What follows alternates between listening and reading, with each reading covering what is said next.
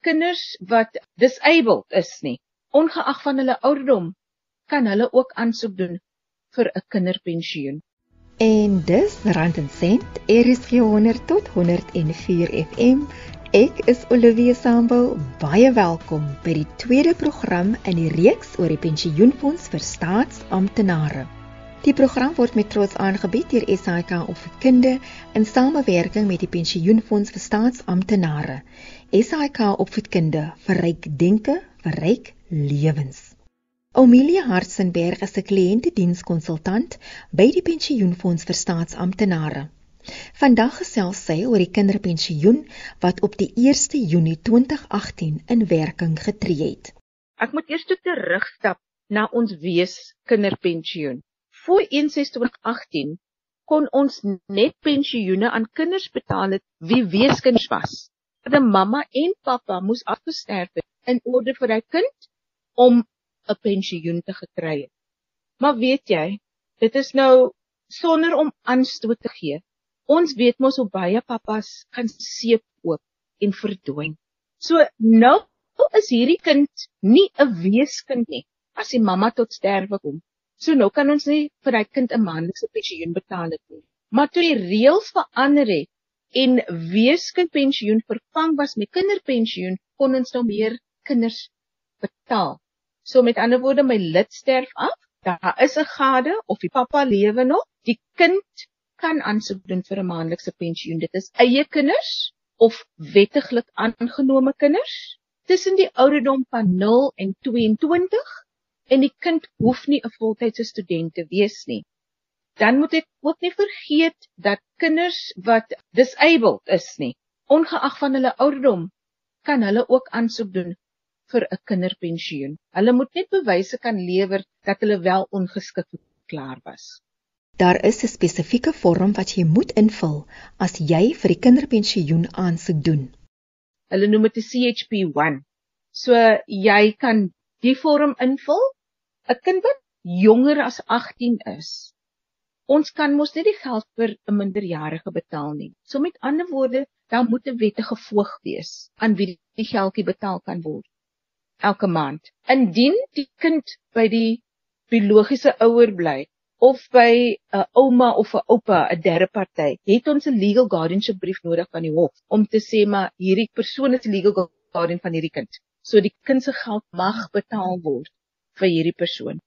Net so knap voordat die kind 18 jaar oud word, stuur GPF 'n brief vir die kind om te sê dis so 4 4 maande voor die 18de verjaarsdag. Ons moet vanaf die 18de verjaarsdag jou geld in jou eie bankrekening inbetaal. Hier is die vorm. Kry dit so gou as moontlik by die GPF kantore. Want as die persoon dit nie doen nie, begin ons die pensioen stop op die 18de verjaarsdag. Indien die kind nie vir ons die 94 gegee het nie en sê nou hy 3 of 4 betalings gemis. Sodra ons die nodige dokumentasie ontvang het, kan ons die betalings vir hom gee wat hy gemis het. Daar is een groot verskil tussen die weeskindpensioen en die kinderpensioen en dit maak voorsiening vir baie kinders wat andersins geen toelaag sou ontvang het nie. Op die weeskindpensioen moes beide ouers afgesterf gewees het. By die kinderpensioen my lid het afgesterf of my pensionaris het afgesterf, dan kan hy of sy 'n pensioen kry al is daar nog 'n gade. En dan die ander ding wat baie baie duidelik deurkom, is die persentasie van hoe die voordeel bereken word. Op die weeskindpensioen was dit weer eens 'n blanket approach van 10% van wat die lid sou gekry het soos op datum van dood as hy afgetree het, maar by die kinderpensioen hang dit af hoeveel kinders daar is.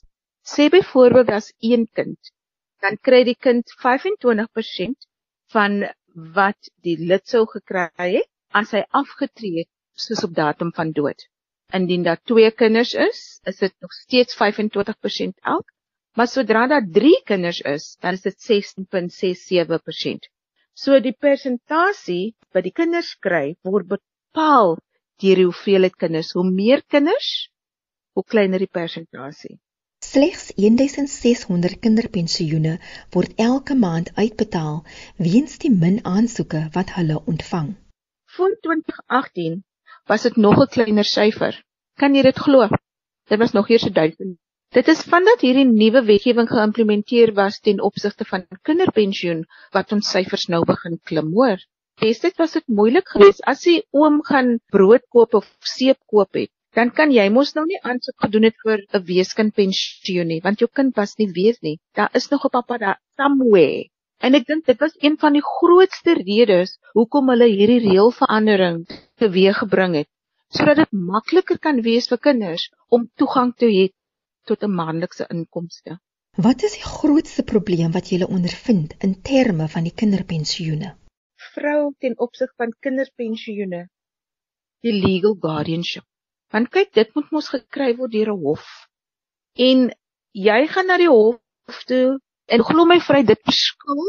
Ek kan nie eers sê van provinsie tot provinsie nie. Dit verskil van dorpie tot dorpie. Dit het ek al agtergekom. Want as iemand byvoorbeeld in Woester gaan aansoek doen vir legal guardianship, binne 'n maand of 2 dan word dit gekry.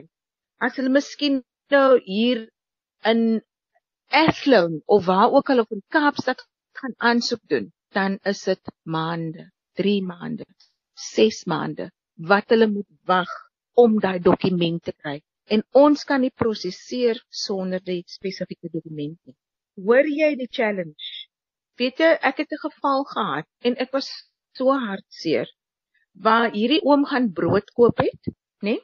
Ek het twee kinders gehad en die tannie by wie die kinders gebly het, het hof toe gegaan om aansoek te doen by hierdie legal guardianship. En die persoon by die hof het vir haar gesê, ek kan nie vir jou legal guardianship gee nie, want die pa is nog lewendig van die kinders. Ek beloof jou, hulle het skriftelike toestemming van die pa af nodig sodat die tannie kan aansoek doen vir legal guardianship. En weet jy wat? Vir die afgelope 10 jaar weet hulle nie waar die oom is nie. Hoe kry jy dit reg? En dan op 'n einde van die dag gee almal die skuld vir GEPF omdat GEPF nie wil betaal nie. GEPF kan nie betaal nie. Want die administratiewe vereistes kan nie gehaal word nie. Ja, dis moeilik. Elke eis het sy eie kinkel in die kabel en ons help so ver as wat ons kan. Weet jy partykeer dan sê die hof ook, dan moet eers nou 'n verslag deur 'n social worker ingegee word. So die huishouding moet nog so 'n paar keer besoek word om te kyk of alles reg is. Daar's nog 'n 6 maande down the line voordat hulle eers 'n datum by die hof kan kry. Vrou, dis moeilik. Dis al wat ek vir jou kan sê. Omelia Hartzenberg van die Pensioenfonds vir Staatsamptenare in die Wes-Kaap. Een van die grootste frustrasies wat die Pensioenfonds vir Staatsamptenare in die gesig staar, is die gebrek aan inligting van hulle lede of lede wat nie hulle kontakbesonderhede opdateer nie. Omelia Hartzenberg van die Pensioenfonds doen 'n beroep op lede om tog asseblief hulle kontakbesonderhede op datum te hou, veral wanneer jy van adres verander het of jou selnommer nie meer dieselfde is nie. Want as jy nie per selfoon of e-pos bereik kan word nie, sal jy nie weet wanneer daar 'n probleem is met jou dokumente wanneer jy aansoek gedoen het vir jou pensioen nie. Wanneer 'n dokument in ons domein beland, dan word die lid geprompt met 'n SMS. Dear GPF member, we've received your exit documents en dan gee hulle nogal nog die dokumentnommer ook sodat die lid kan weet ons het die dokumente gekry. Nou is ons besig om die dokumente te prosesseer en ons kom agter daar's iets verkeerd op die dokumente, nommertjie of iets is verkeerd dan word die dokument elektronies terugbesorg aan die departement en weer eens gaan die lid 'n SMS kry om te sê ons het die dokumente teruggestuur na die departement toe. So met ander woorde nou is die lid in kennis gestel en daar is nie meer 'n blame game om te sê by, uh, ons weet nie van dit nie en en hulle kan dan direk die departement nader om vir hulle te sê luister ek het 'n SMS gekry, daar's iets verkeerd maak 'n regstelling wat het jy vir my nodig. Meeste van die gevalle is dit nie iets wat hulle nodig het van die lid nie. Dit is net iets wat reggestel moet word op die dokument self. Dit is nou die die hoofdokument wat die Z102 genoem word. So die lid word derentyd op hoogte gehou van indien daar foute is al dan nie. Die laaste laaste SMS wat die lid gewoonlik kry is as ons die belastingdirektief ontvang vanaf SARS En ongelukkig is dit een van twee SMS'e. Die lekker een is om te sê DGPF member, your tax directive has been received, payment will follow shortly. Nou die ander een is nie so lekker nie. Dit sê DGPF member dat iets verkeerd. Ons kan nie direktief uitreik nie. Kontak jou naaste SARS kantoor. En ongelukkig is daar niks wat GEPF daaromtrent kan doen nie want SARS deel net met die lid. So watter regstelling ook al gedoen moet word, dit moet deur die lid gedoen word. En nadat dit afgehandel is, reggestel is tussen aanhalingstekens gesê, is dit die lid se verantwoordelikheid om dan vir ons 'n clearance sertifikaat te gee wat ons heraan te doen vir die belastingdirektief. En dan kan jy maar seker jou geldjie kry as alles dan 100% is. Lede word ook gereeld opgelei om ingeligte besluite te neem voordat hulle aftree. Een waaroor ek baie baie passievol is, is die aftreewerkswinkels. En enige een van 55 en ouer is meer as welkom om hierdie tipe sessies by te woon. Want dan gee ek vir jou 'n rand en sent van hoeveel geld jy gaan kry as jy nou aftree of as jy oor 5 jaar gaan aftree. En dit gee vir jou soort van 'n aanduiding. Kan ek bekostig om op 'n vroegte aftrede nou te gaan?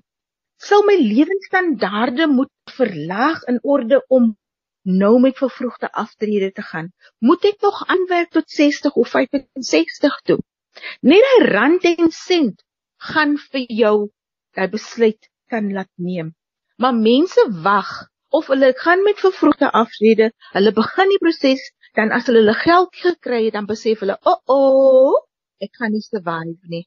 Lede moet ook bedanking teenoor aftrede versigtig opveeg en nie in die struik van gewetenlose makelaars strap nie. Wat ek ook agtergekom het in die industrie, mense maak hulle eise aanhangend. Dit is mis nou hulle aftree eise dan het 'n makelaar dit in die ore gekom dat die persoon besig is om uit diens uit te tree en dan word die persone soort van omgepraat. Ek gaan nou die woord gebruik omgepraat om nie meer af te tree nie maar om te bedank, om die geld te belê. Nou die GPF is 'n vaste voordele fonds, 'n defined benefit fund, né? As jy jou pensioen gaan by ons op en jy kry 'n maandelikse pensioen, Jy het 'n gewaarborgde inkomste vir die res van jou lewe. En die reëls van die fonds sê dit moet elke jaar verhoog word. Dit sê nog hoe dit verhoog moet word. 75% van die CPIX, ten minste 75%. Right? Sodra jy jou geld uitvat en dit eers anders gaan belê en dit is sonder om op iemand anders se tone te trap, daar is geen guarantees nie want dit is gekoppel aan markverwante waardes. Dan kry jy ooms en tannies wat 'n jaar of wat na die tyd kom en dan briefies kom kry om te sê hulle is nie in ontvangs van 'n maandelikse pensioen nie. En vra ek, ouma, hoekom het jy die briefie nodig? Dan gaan hulle in 'n sassa lyn staan met daai brief. Want die inkomste is nie meer so lekker nie. Ek beloof jou dit. Ons sien dit elke dag. Kyk, Ek is nie 'n finansiële adviseur nie, my kollegas is nie finansiële adviseurs nie. Ons mag nie sê wat jy moet doen nie. Wat ek gewoonlik doen is, ek sê resignation versus retirement. Wat gaan jy kry as jy bedank? Jy gaan 'n enkel bedrag kry. Jy gaan nie maandelikse inkomste van ons af kry nie wat gewaarborg is nie. Jy gaan nie meer 'n subsidie kry, 'n mediese subsidie nie. Jy gaan nie jou begrafnisvoordele behou by die fonds nie. Maar nou sê ek nou as jy op pensioen gaan en jy kry maandelikse pensioen, al die goed wat jy nou nie sou gekry het by bedankings nie, gaan jy behou by aftrede. En die een oom het vir my gesê, "Maar ek gaan elke maand my medies self betaal." Toe sê ek, "Oké, okay, wat is jou medies elke maand?" R6000. Sê ek, "Oké, okay, R6000 maal 12 is hoeveel?" R72000. Toe sê ek meneer, ek wil nie snaaks wees nie. Ek weet nie wat hulle vir jou daar buite gaan gee nie, maar hoe lank dink jy gaan jy jou mediese fonds kan bekostig van daai enkel bedrag? Dit gaan mos een of ander tyd oppraat. Dan sal jy in 'n kliniekie moet gaan sit. Dan kan jy nie na jou privaat dokter of na 'n privaat um, hospitaal toe gaan nie. Dit is feite. Net dat dit lelik is nie, maar as jy die feite vir die mense gee, gaan hulle twee keer dink alvorens hulle so 'n stap gaan neem Al hierdie goed moet in ag geneem word voordat jy 'n ingeligte besluit geneem het. En as jy, jy weet as konsultant, as personeelbeampte, jy het jou werk gedoen tot die beste van jou vermoë verduidelik, jy kan nie die persoon forceer om iets te doen nie. Dit was Omelia Hartzenberg van die Pensioenfonds vir Staatsamptenare. Vir meer inligting kan jy na enige van die instapdienssentrums toe gaan of een van die satellietkantore besoek. Jy kan ook die pensioenfonds vir staatsamptenare skakel op die tollvrye nommer 0800 117 669. Oproepe na hierdie nommer is gratis van enige Telkomlyn. Jy kan ook 'n e-pos stuur na inquiries@gepf.co.za of besoek die webtuiste by www.gepf.co.za www.rsg.co.za. Dan kan jy ook kommentaar lewer op Twitter. Die program word weer Woensdagoggend om 04:30 herhaal. Ek is Olivia Sambo en ek groet tot volgende week.